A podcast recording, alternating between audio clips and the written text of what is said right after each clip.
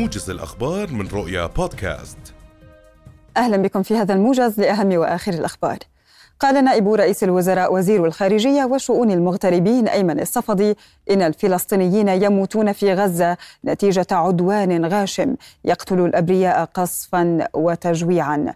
وأضاف الصفدي خلال إلقاء كلمة الأردن في الاجتماع رفيع المستوى للدورة الخامسة والخمسين لمجلس حقوق الإنسان التابع للأمم المتحدة في جنيف أن في كل بقعة في غزة دليلا على خرق إسرائيل حقوق الإنسان الفلسطيني في البيوت التي دمرتها في المدارس التي قصفتها وفي المستشفيات التي اقتحمتها. وأكد الصفدي وجوب التصدي لظلم الاحتلال وتعرية لا قانونيته ولا إنسانيته.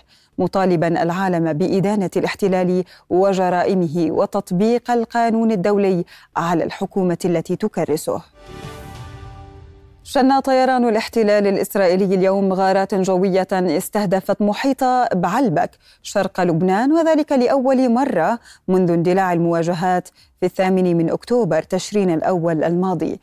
مراسلة رؤيا قالت إن القصف طال مستودعات جديدة تستعمل لتخزين المواد الغذائية لمؤسسات السجاد ومنزلا لأحد المواطنين مؤكدة وقوع إصابات. من جانبه قال جيش الاحتلال إنه يقوم بضرب أهداف تابعة لحزب الله في عمق لبنان.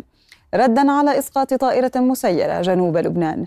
ويعد هذا القصف الذي طال بعلبك هو الأول من نوعه منذ حرب تموز عام 2006 أعلن رئيس الوزراء الفلسطيني محمد شتيه وضع استقالة الحكومة تحت تصرف الرئيس محمود عباس.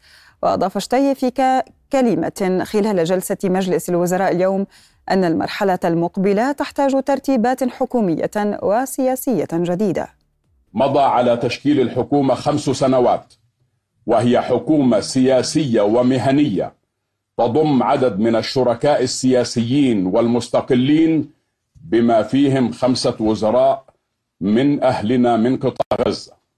وعليه فإنني أرى أن المرحلة القادمة وتحدياتها تحتاج إلى ترتيبات حكومية وسياسية جديدة تأخذ بالاعتبار الواقع المستجد في قطاع غزة.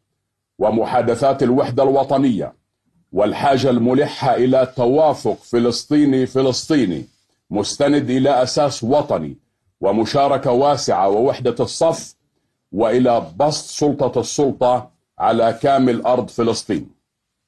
ومن أجل ذلك فإنني أضع استقالة الحكومة تحت تصرف السيد الرئيس لاتخاذ ما يلزم لخدمة شعبنا العظيم ووحدة قواه المناضلة.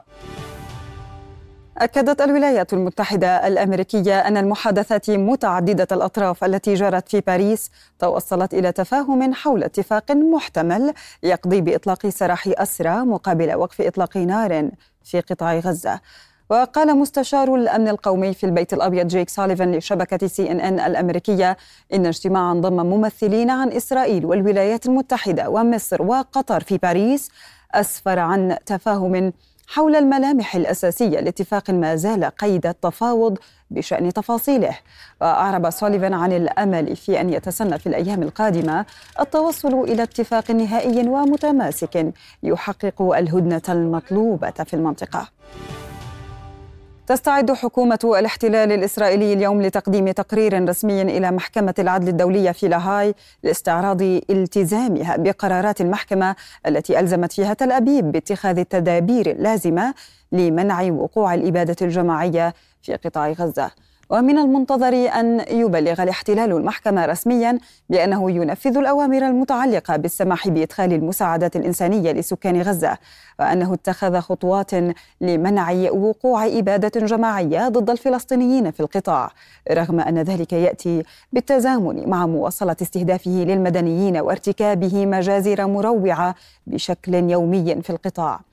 وكانت جنوب إفريقيا قد تقدمت يوم الحادي عشر من الشهر الماضي بدعوى قضائية أمام محكمة العدل الدولية لإدانة سلوك جيش الاحتلال في غزة واعتباره إبادة جماعية وإصدار أمر يجبره على سحب قواته. ختام هذا الموجز في أمان الله.